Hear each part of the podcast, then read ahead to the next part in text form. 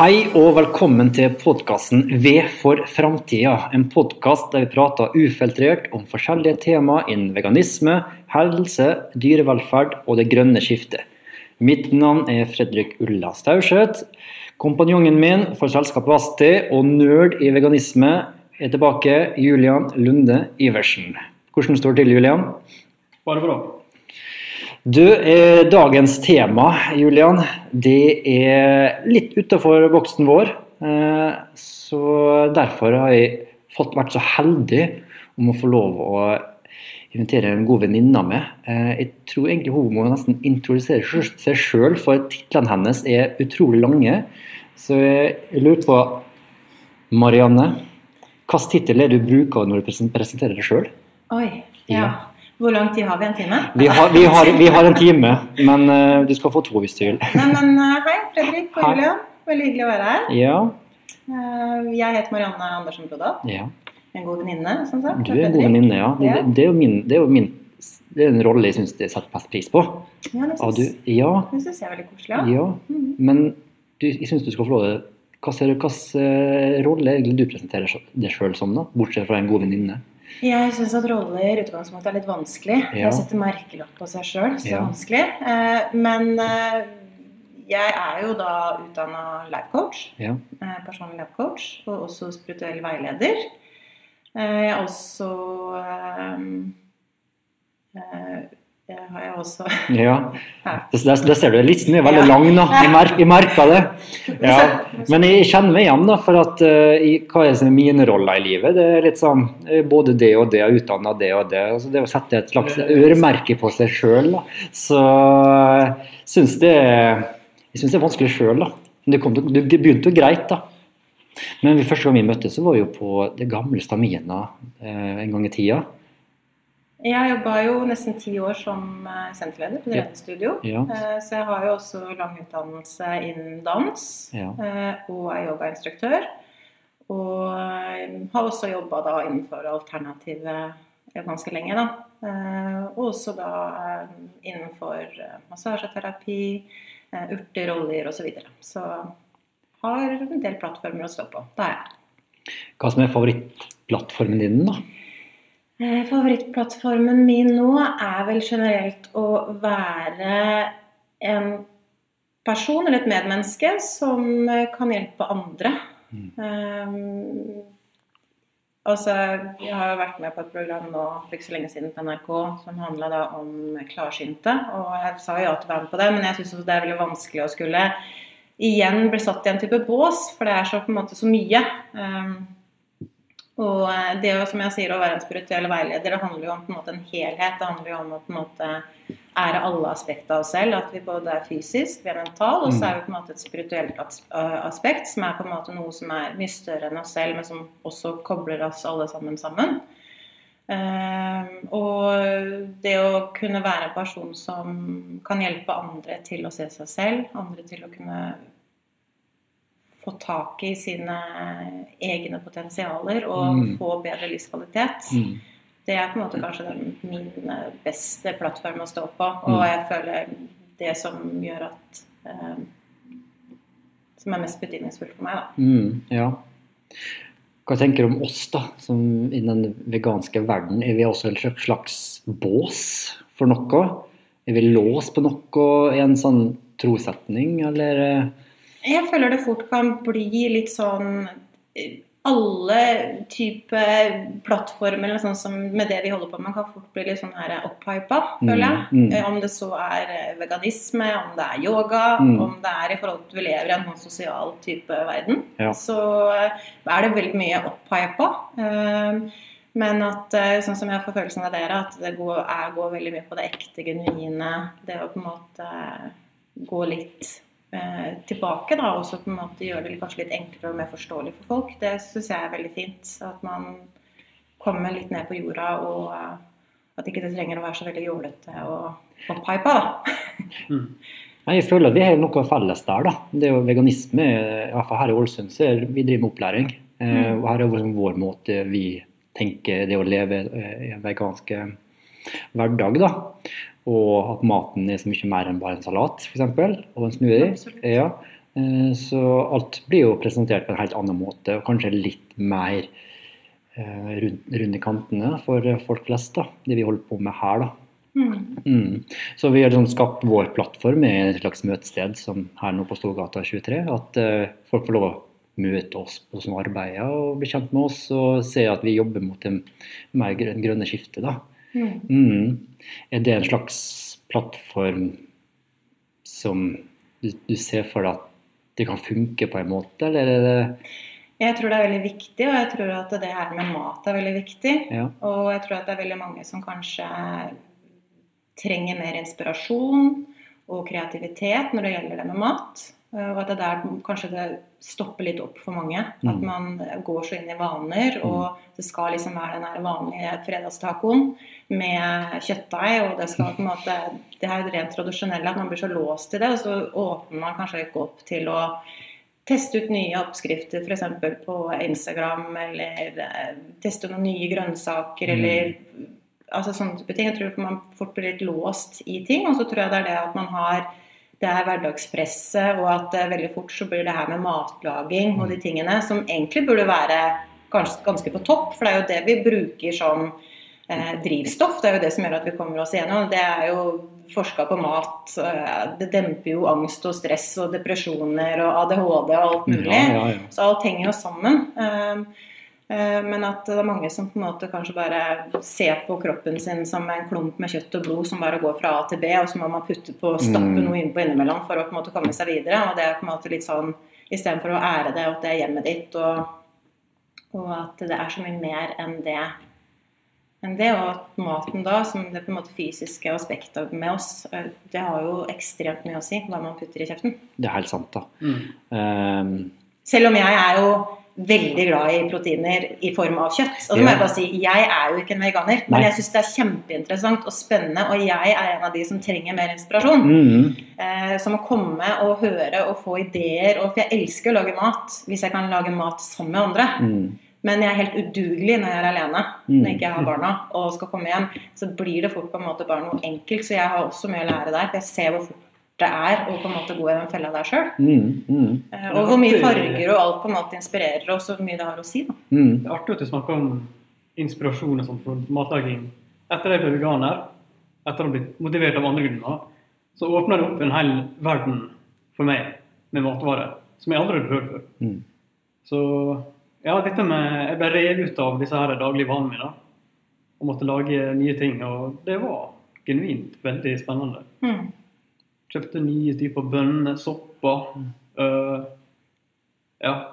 Var på ut, utforskning i dagligvarebutikken, rett og slett. Mm. Ja. Og det kan være egentlig virke veldig skummelt overfor flere at uh, nye matvarer og, og lære seg å lage mat på en ny måte. da. Det er jo tidkrevende. Det ble noen flause. Det var Det- ting som ikke ble så godt. Flauset må man gå gjennom, da. Det er helt sant, da. Uh, Så både det, og så er det det folk tenker på penger, at man har liksom en sånn forutinntatt greia med at eh, sunn mat, vegansk mat, eh, det er dyrt. Mm. Og da er det bedre å gå på McDonald's og kjøpe seg en burger sant, for 30 kroner, enn å kjøpe seg et komplett bra måltid som kanskje metter til dagen etterpå, som du får masse energi og kreativitet av, for kanskje 150 kroner. Altså, det er mange som er litt der òg. Så Ja, det er egentlig litt der vi også sliter litt med. og Det er liksom at du Den der investeringa i livet, eh, det, det er en slags gevinst som kommer seinere, da. Ikke her og nå. mm, Eh, Og det er jo den budskapet vi vil sende ut, at det, den veganske veivalget eller spirituelle veivalget vil komme til nytte seinere. Og jeg føler at det er der folk stopper opp litt. da. Det Er noe du merker i den, den plattformen du er, at det å, å, eksempel begynne å puste og yoga, det, det har sånn gevinst senere i livet der du får mer eh, avslapning. Men det virker som at eh, de skal, de skal få avslapning på dagen. det skal være easy fix. Ja. på alt. På Man skal alt. gå på treningsstudio trene Mm. muskler, eh, styrke, armmuskler én gang. Og så skal man gå hjem og så skal man se biceps og triceps som bare spretter Mm. ut. Det er jo sånn der, det er ingen som har tålmodighet lenger, eller ser at dette er på en måte noe som er et livsvalg, og det er eh, en livsstil og ting som på en måte man må gjøre hele tiden. Samme gjelder jo med meditasjon, pusting, tilstedeværelse. Det er jo et valg som jeg gjør hver eneste dag. Og jeg vet at hvis ikke jeg tar det valget, så vil dagen min bli annerledes. Mm. det, det vil utarte seg på en helt annen måte. Jeg vil takle ting annerledes. Situasjoner som oppstår, mennesker jeg møter, vil jeg møte på et helt annet sted. Ja. Hvis ikke jeg er gr- grounda og ikke på en måte har sjekka opp energien min. Altså, vi er alltid sånn at vi, før vi går ut uh, på morgenen, så sjekker vi gjerne rundt munnen vår at ikke vi har tannkrem rundt kjeften eller har masse kaffe på skjorta. Ja. Men hvor mange er det som sjekker energien sin, som stopper opp og puster og kjenner hvordan har jeg det faktisk i dag? Mm. Er jeg på plass i hjertet mitt? Er jeg på plass i kroppen min? Eller er jeg på en måte et eller annet sted? For det handler jo også om hvordan du ærer den andre personen eller noen du skal møte. Om det er i jobbsammenheng, uansett hvor det er, så er det jo mer du ærer din energi hvor du er hen, det er jo det du tar med deg til andre mennesker, og andre mennesker tar med til deg. Men Mm. det er liksom ikke så viktig å, å på en måte sjekke opp. Så det er, ja, det er, det er liksom et valg Så du tenker litt sånn på, på bevissthet, da, rett og slett. Mm. Altså det er jo sånn som hvis jeg altså spør dere da, hvem er dere? Mm. Det er det vanskeligste spørsmålet. Ja, Ja. Men hvem, hvem er dere? Da vil vi veldig fort gå inn i det med roller. ikke sant? Ja. Ja, jeg er mann, og jeg er så og så gammel, Mm. og jeg er en sønn eller bror eller pappa. ikke sant? Er- Eller kjæreste. Det er gjerne de rollene vi går inn i. Men hvem er du? Mm. Hvis du hadde fått et mikroskop på deg, hvem er du? Mm. Hva hadde vi sett for noe hvis vi hadde tatt et mikroskop på oss? Mm. Celler, ikke sant? Ja, sant. Mm. Nesten 40 billioner celler. Ja. Et samfunn av celler som lever inni deg. Som spiser og fordøyer mat, og som lever og tenker og alt mulig. Hvis vi har gått enda nærmere på de mikroskopene, Mm. hva er det vi har da? Atom, ikke sant? Mm. Mm. Og hvis vi går enda mer inn på det igjen, Elektron. så har vi egentlig Da vil jo atomen forsvinne, da har vi bare energi. Ja. Ja. ja. Så når du snakker om bevissthet, det vi egentlig er, da, at vi er jo egentlig en komplekst eh, materie med energi Mm. som har en bevissthet. Mm. Eller bevissthet som da har menneskeform, da. Mm. Det er jo det vi egentlig har. Ikke et Mm. menneske som har en bevissthet. Og, når man da, og det er jo litt kulere òg, å tenke på at vi er energi, enn å bare Mm. tenke på at vi er på en måte da en individuelt menneske som bare vandrer rundt i en sånn meat coat, som jeg kaller det. ja. Man. Men vil si eh, andre dyr har en bevissthet, Mm. noe lignende som, som vi er? Mm. Eh, jeg tror alle har Altså, alt er jo energi. Det som er forskjellen, er at vi har jo en annen type frekvens enn et dyr. Enn det bordet her, enn det glasset her. Mm. Så har vi gjerne en høyere frekvens, antall svingninger per sekund, som gjør at vi tenker annerledes og er en organisme som kanskje er den eneste i verden som da har en bevissthet som går på det at vi kan tenke eh, framover i tid, vi kan tenke bakover i tid. Vi kan lage oss alternative virkeligheter. For hvis vi bare lukker øynene og tenker nå skal jeg tenke på hva jeg skal gjøre i morgen, så har du lagd en Mm. alternativ virkelighet. Ja. Og det er jo de scenarioene der som gjør at vi er på en måte fastbundet til eh, ting som er vondt, lengsel, sorg, eh, traumer. Fordi at vi klarer ikke å på en måte skille oss fordi at vi hele tiden lager scenarioer eh, i forhold til at vi har en sånn type bevissthet. Mm. Og det er det som er med yoga eller med bevisst pusting, at vi trekker oss tilbake, eller mindfulness, da, til nåtid. Og det ser man jo på studier òg, at de menneskene som klarer å fungere mer i nåtid, det er jo der man finner de mest fornøyde og lykkelige menneskene. Det er jo studier som er gjort i Harvard, jeg tror det var i 2010, Mm. der de undersøkte akkurat det. Jeg tror de hadde over 5000 personer fra 80 ulike land, hvis ikke mer. Og da skulle de teste ut med det her. Og da så de at 47% av tida så har du, en, har du tanker som vandrer. Ja. Mm. Men når tankene vandrer, så er du ikke så veldig lykkelig eller så veldig glad. Du, du klarer ikke å finne på en måte de lykkelige og glade menneskene der. Men at det samtidig var viktig i tankeprosessen, fordi at vi trenger det for å kunne planlegge, eh, i forhold til mye av kreativ utfoldelse. Det trenger vi på en måte den å reise litt fram og tilbake i tid for å ta tak i elementer og ting. Mm. Men det var ikke der de fant de mest lykkelige menneskene. Så det, men samtidig så er det det at det er veldig mange da som ikke vil være til stede i noe. Fordi at det som sagt da er vanskelig, det er vondt. eh, Det er prosess som man burde gå i. Eh, Og så istedenfor å gjøre det, så flykter man da unna ikke sant? til en annen type virkelighet. Det krever ansvar, da, på en måte. Det krever ansvar. Og det krever også ansvar i at man ikke skal være et offer, men at man kjenner at man går til Jo mer man puster, jo mer bevisst man blir på det, så blir man mer en Altså med meditasjon nå, det er jo ikke fordi tankene skal forsvinne. Det er jo fordi at man skal bli en som vitner og observerer at man har tanker. Mm. At man er et menneske som på en måte sitter og tenker, men at man er ikke tankene sine. Ja, ja. Mm. opplevelser opplevelse har jeg hatt. Er Mhm. absolutt nok i det. Man oppdager liksom eh, at man i, i sin essens egentlig, hvis man går bakover og bakover og bakover, så er man bare en bevissthet, rett og slett. Mm. Det forstår jeg helt. Og det er ofte den atskillelsen som gjør at veldig mange blir deprimerte. ikke sant? Det spiller ingen rolle om du er ensom, du kan fortsatt være ensom når du er sammen med et menneske. Mm. Men det er det å atskille seg fra andre, at du på en måte da har ego og atskillelse, det er det som gjerne skaper eh, dårlig livskvalitet og alt det som ikke er så veldig behagelig å kjenne på. Mm. Men vi er jo liksom det som altså Den spirituelle tanken er jo det at vi er jo som havet. Og vi deler ikke opp en bølge. Bølga er jo fortsatt havet. Selv om det er på en måte det er en del av havet, sånn som vi alle er da. Energi er en del av hverandre. og Vi er ikke atskilt eller noen som er bedre. Vi er bare Mm. forskjellig type ståsted og forskjellig utgangspunkt. Og er i forskjellige prosesser. Så Ja. vi står nå egentlig i forskjellige utgangspunkt nå i dag, da, med at vi eh, ønsker å f.eks. hindre at eh, jorda går under 2050 eller blir for varmt å leve framover. Da. Mm. Det er noe sånn standpunkt hvor vi er bevisst på at vi har lyst til å jobbe for å hindre det, eller eh, er noe, er noe du deler med den tanken at kanskje vi er med på å skape en sånn frykt, oss som driver med miljø eller bevisst veganisme, eller? At det blir, det blir for stort, den tanken. At noen ting blir så stort at det blir vanskelig å forholde seg til. Da. Sånn som om 20 2050 så det oversvømmelse og alt det der, da. Mm. Jeg tror at vi alltid kan skape og skrive om Ja. på en måte framtida vår hele tiden. At vi er skaperne i vårt eget univers. Ja. Eh, Og jeg syns det er fint å, å informere og gjøre ting relevant. Og gjøre ting at man blir nysgjerrig og fascinert. Eh, Det syns jeg er kjempeviktig. Men litt sånn som energiarbeid funker, så er det at jo mer man har fokus på f.eks. frukt, så blir det større. Ja. Så det viktigste som jeg sier Det er veldig mange mennesker som har et så godt hjerte, som vil hjelpe andre og en med det andre. Men så er det jo det at du må først hjelpe deg sjøl. Du får ikke gjort noe annet hvis ikke du kan heve din egen frekvens, bli mer bevisst, bli mer klar over hva du har, hvordan uttrykker du deg, hvilken person er du, at man først blir kjent med seg selv. Det er da du har mye mer, er mye mer kapabel til å hjelpe andre.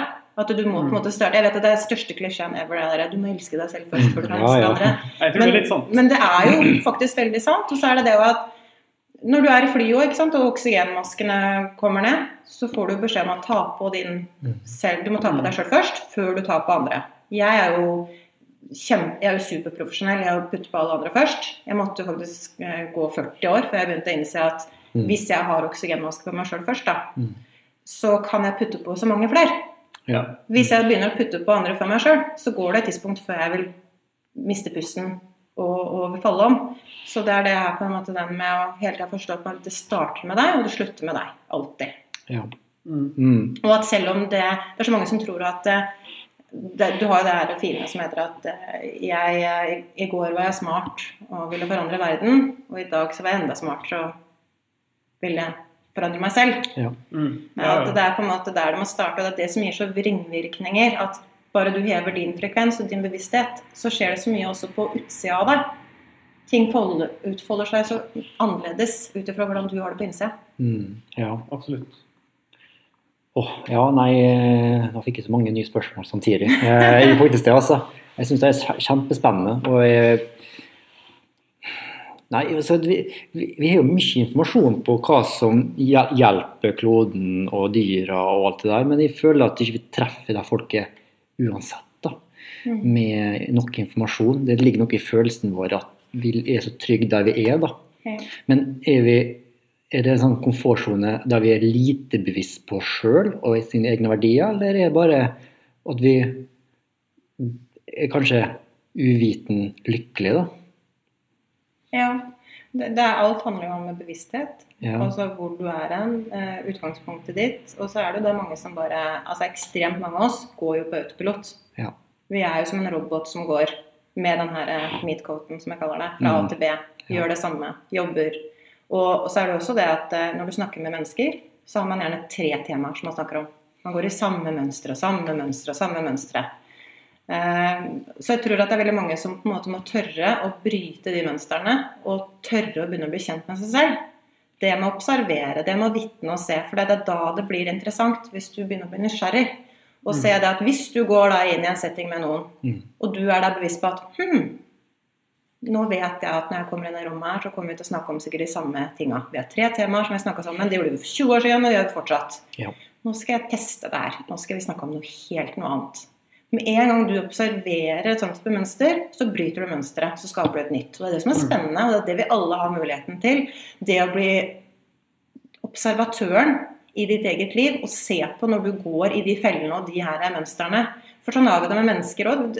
Alle slags mennesker og relasjoner. Vi har det med foreldre, vi har ting som trigger, vi har alt mulig. Og som regel da så går vi i det samme mønsteret. Vi går i de samme diskusjonene.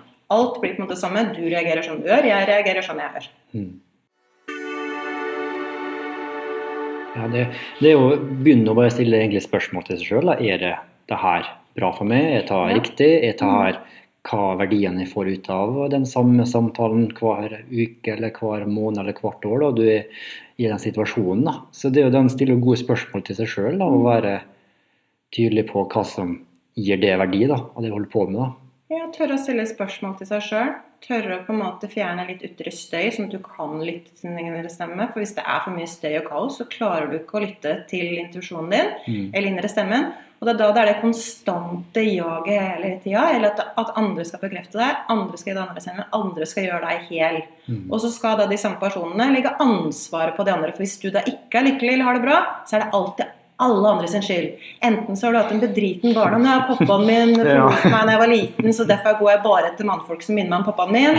Altså alt er jo, det er jo psykologi. Det er jo og, og da ser man at det former deg, det gjør at du skaper deg mønster videre i livet. Så det er det å kunne stoppe opp. Da må man tørre å finne de verktøyene, stoppe opp, bruke pusten og tørre å kjenne på det som kommer opp. Mm. For eneste muligheten til å komme seg gjennom et problem, en utfordring, eller det å skape nye mønster, det er å gå igjennom såret.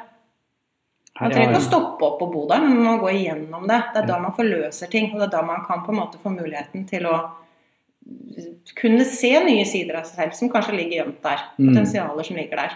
Ja. Men det er for mye støy og rot, så man klarer ikke. For man har alle andre sine sannheter og stemmer som snakker, Ja. og så finner man ikke sin egen. Ja. Det høres ut som du snakker som, eh, om, eh, om en slags sjølrealisering, rett og slett. Ja. Realisering av det iboende potensialet på en måte i seg. da. Mm. Um, I et mikroperspektiv kan man kalle det nesten på individnivå. Nei, jeg tenkte um, med, med tanke på Jeg ble veldig opptatt av sånn utviklingspsykologi. da. Hvordan blir et, et menneske individualisert fra Mm. foreldrene sine? og Hva kjennetegner et slikt menneske? da? Uh, og så tenkte jeg også på dette samme i, i makroperspektiv, med menneskeheten i forhold til, til dyr. da.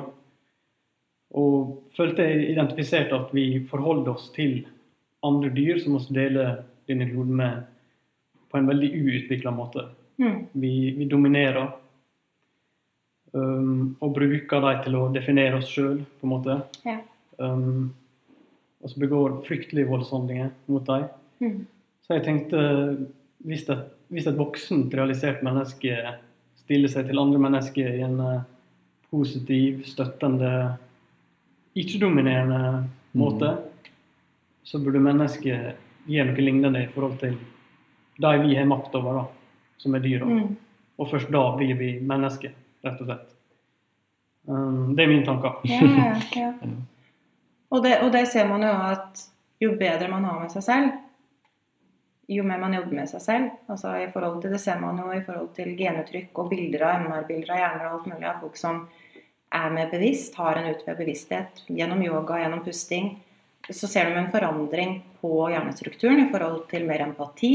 Ja. At eh, lite grad av angst, inflammatoriske sykdommer eh, og alt det her. Så, så jeg tror Og, og, og den altså store endringen av altså, Eller det at man får mye mer empati. Og det gjelder jo da alle.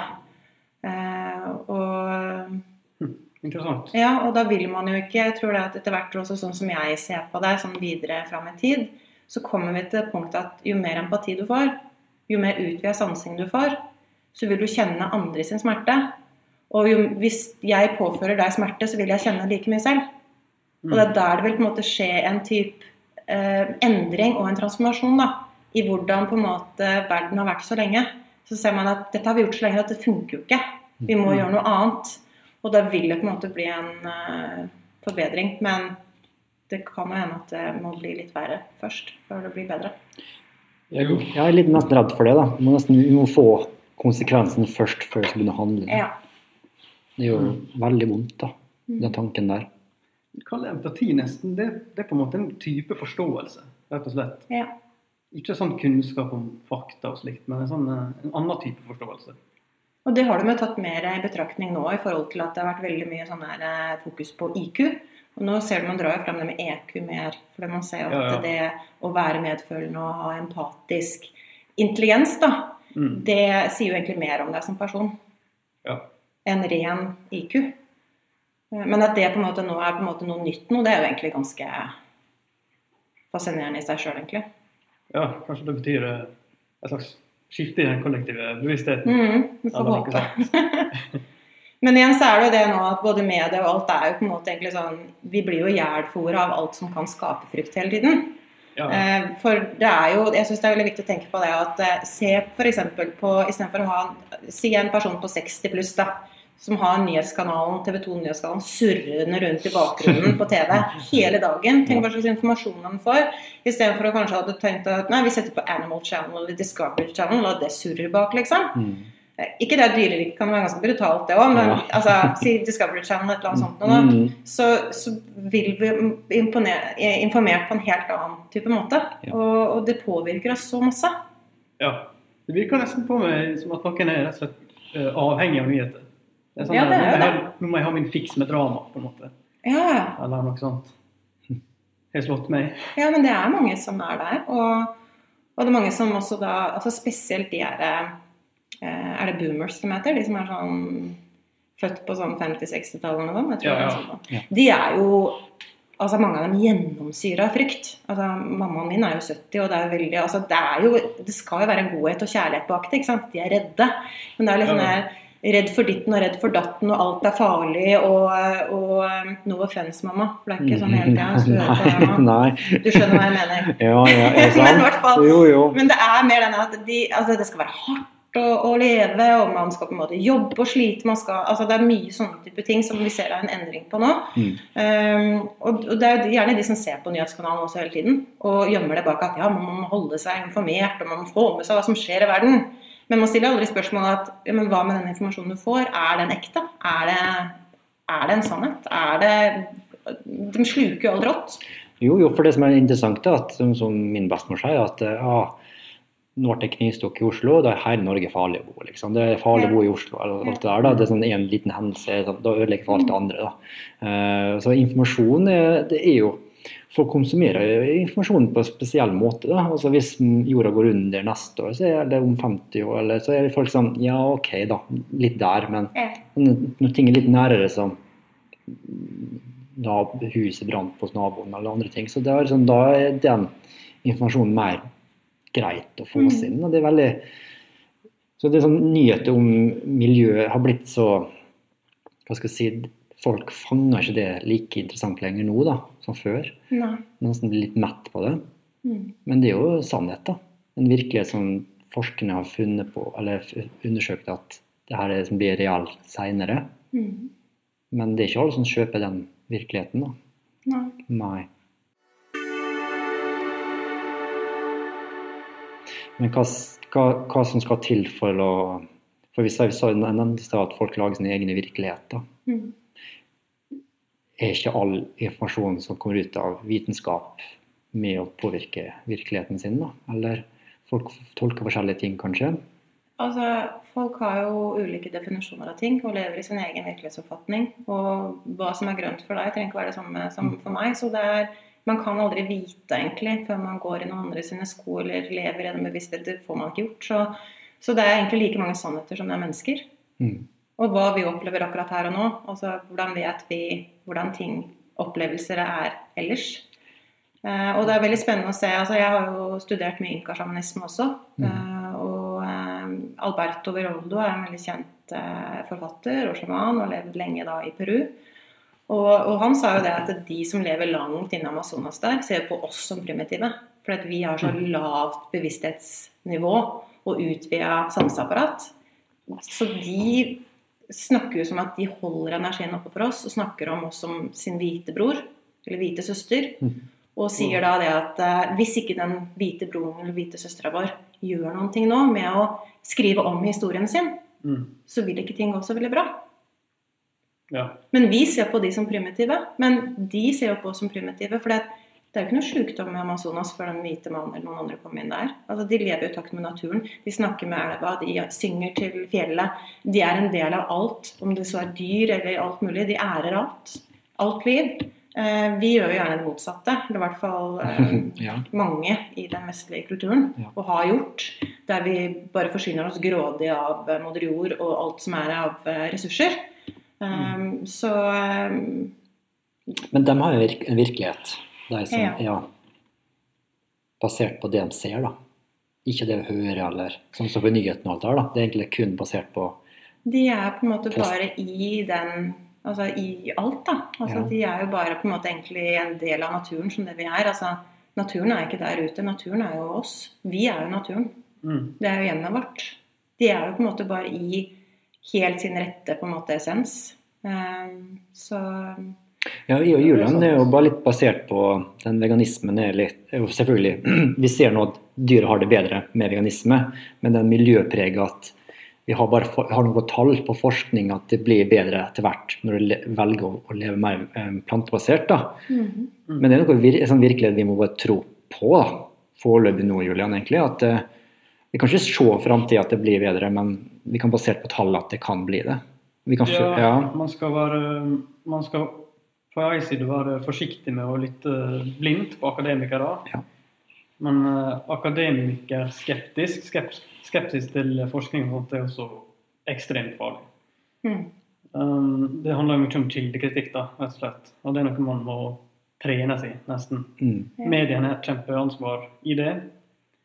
Men eh, når, når eh, så mange forskere sier at uh, her er det fare på ferde, og så holder de på å ødelegge vårt eget økosystem, Mm. og milliardvis av dyr sine Alt de er, kroppen deres, livet deres. Um, og at uh, ja, dette er, far, det er farefullt for oss også, så bør man kanskje være på den sikre sida og um, ta personlig ansvar. Altså, jeg ser på veganisme som et øke i bevissthet, rett og slett. Mm. Det handler ikke så mye om dette med å avstå fra Hvis man tenker på mennesket som et dyr, da, så kan det være lett å legitimere og forstå hvorfor mennesket skal spise andre dyr og leve slik. mm. Men Og så gjør jo ikke det her i Vesten. Oss lever vi ikke som eh, det naturlige menneskedyret. Oss er konstruert oss et helt samfunn. Dette ordet natur er Mm. superinteressant, egentlig. Mm. Hvis du går i skogen, Mm. og så kommer det over et hus, så tenker, tenker folk at dette er ikke naturlig. Dette er unaturlig. Og det unaturlige er synonymt med menneskeskapt. Mm. Det menneskeskapet er ikke naturlig, på en måte. Mm. Det er utrolig interessant. Det sier at vi har revet oss vekk fra naturen. Mm. Mm. Um, Men det det er jo naturlig i dag å bo i et hus hos mennesker. Ja, det stammer jo fra helt naturlige behov og slikt å se. Um, så ja, det er interessant å snakke om disse som ikke tenker på oss som Eller som tenker på oss som primitive. For jeg tenker Når, når oss nå har laga dette samfunnet her, som kanskje er litt unaturlig, og basert på veldig primitive behov og lyster og sånn, så bør vi også ta det, det ansvaret som følger med. da. Vi har revet oss ut av naturen. Vi produserer mat i stor skala langt unna der vi bor og sånt. Um, Ja, men det vi gjør nå her i bakrommet, er å dyrke våre egne spire innendørs Ja, ja. igjen ja. det er nesten en natur, retur litt grann til uh, mer naturlige måter å være på. ja. En bevissthet uh, rundt maten man spiser, rett og slett. Ja. Som veldig mange mangler nå. da. Mm. Uh, og forståelig. Ingen jeg skal ikke moralisere overfor det. Nei. Det, holder skjult for oss mye av det som skjer, spesielt i dyreindustrien. Um, Mm. Jeg vet ikke hvor jeg skulle Jeg hadde et poeng, men Men jeg, men jeg, jeg syns det er veldig bra det du sier, for det handler mye om sånn som jeg ser på det, så handler det om ansvar, og så handler det om intensjon.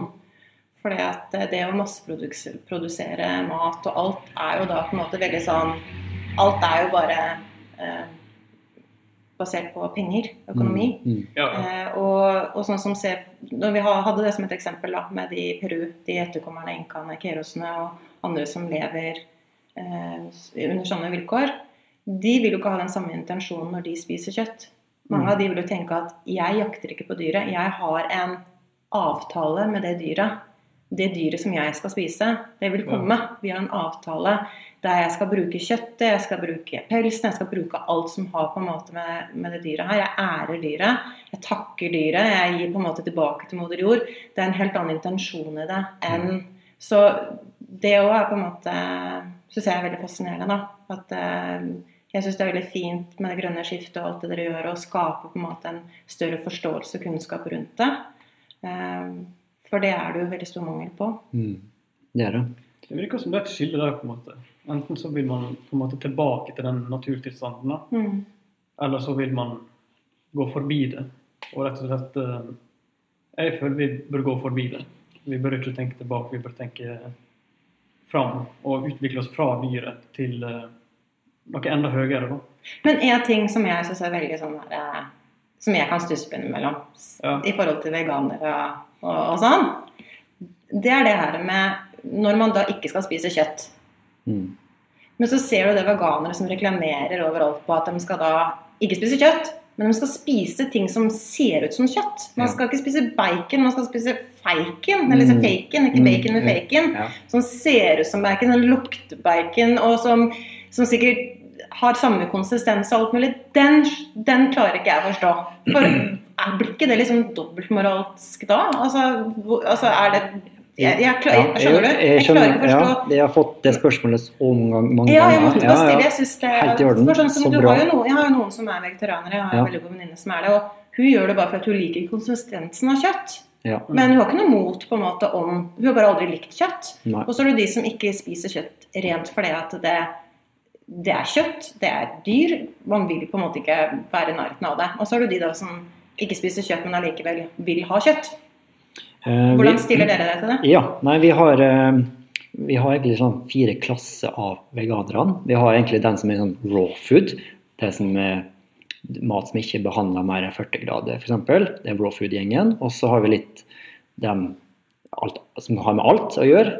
Både raw og, og fast food. da, så har du kun de som er sånn fast food, veganerne.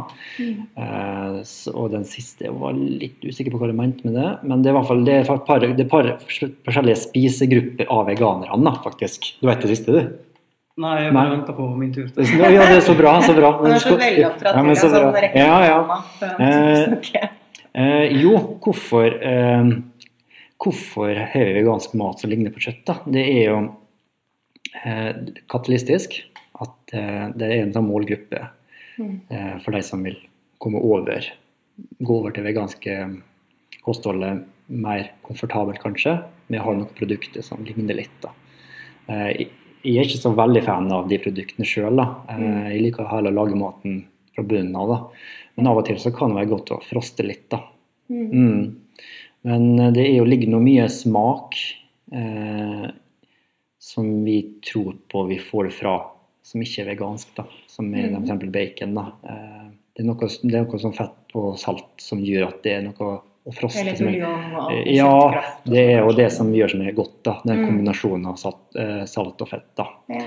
Eller sånn som iskrem, som er blanding av sukker, sukker og, og fløten, f.eks. det er sånn mye bra produkter i den kjøttverdenen og animalske produkter som har så god eh, blandingsforhold da, av Mm. sansene som du får den dopaminen, da, så du blir veldig fornøyd. da. Ja. Ja. Og det er jo mange som har knekt den koden da, med å lage veganske Mm. erstatninger.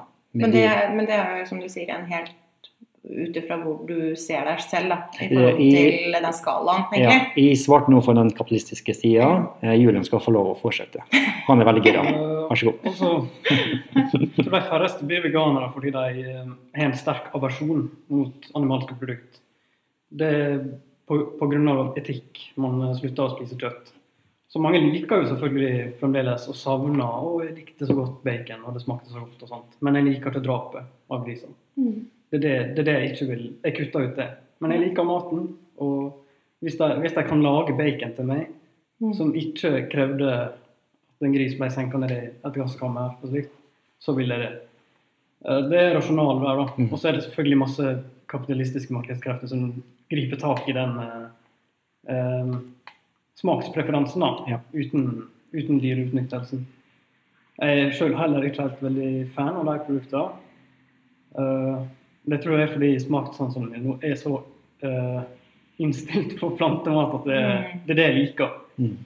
Men uh, Ja, det, den forstår jeg. det er på, på etisk grunnlag, da, Mm. rett og slett. Altså, men det blir litt sånn eksponeringsterapi. For at, eh, hvis man ser masse sånne kjempesøte Instagram-videoer, sånne kjempesøte griser som Ja. hopper rundt, Ja. så tenker jeg bare at jeg skal aldri spise parkene! Ja. Ja, men uh, Jeg tenker Jo, mer på det. selvfølgelig. Men en mann på gata, ser, hvis han ser en gris, så tenker han bacon, da. Det er det som blir assosiasjonene Jeg våre i tenker at den er kjempesøt, så vil jeg bort og klappe på den. Ja, det er akkurat det. da. Det er jo kjempebra, da. Det vi må tenke liksom framover, Tenker du ikke på bacon eller noe Nei. sånt. Så tenker jeg usj, nei. Nei. Faktisk tenk på, Hvis jeg fikk meg, hvis jeg fikk meg en kjælegris en gang, da, Ja. så hadde jeg faktisk vært veldig redd for å ta den ut. Fordi jeg hadde vært redd for om eh, folk slang eh, stygge ting mot eh, den vennen som jeg hadde blitt så glad i. da. Ja. Da tenker jeg Hvis du gikk ut på, hund, på tur med hunden din, og så ropte folk i gata 'Jeg gleder meg til han dør', eller noe sånt. Det, det hadde vært redd for sånne situasjoner. Sånn, ja. Rett og slett. Og, og apropos eh, sånn energi og bevissthet, så ser man ned på dyr at dyr har veldig stort sanseapparat. Ja. og Og- det går jo på telepati, og det går jo på den energien du bringer. Så man hadde ikke tenkt å rope noen ting heller. Jeg har hørt sånn som griser at de er jo enda mer intelligente og har enda større sanseapparat enn en hunder. Mm. Så bare man da sender en tanke, f.eks. Hvis du er ute og går tur med kosegrisen din, og, så, og så er det noen som kommer forbi og tenker bare, mm, det så god ut, tenker bacon, så kan jo den grisen fange opp det. Man trenger ikke å si det. Nei. Så det er jo liksom energien man bringer, energien man har med seg, som gjerne et dyr plukker opp. Mm. Og det vet jo sikkert du som har hund, at eh, hunder og barn, Mm. Dem er jo veldig eh, på det å være genuin og ekte. Den gjennomskuer folk med en gang. Så hvis ja. du har en person som hunden din eller ungen din stritter fra, Mm. da ville jeg tenkt hm, da hadde jeg blitt skeptisk. Jeg har hatt sånne opplevelser sjøl. Hvis vi skal prøve å runde av den podkasten med å stille spørsmålet liksom der Når er det liksom jeget og det mediestyrte og forskning, hvor er balansen framover?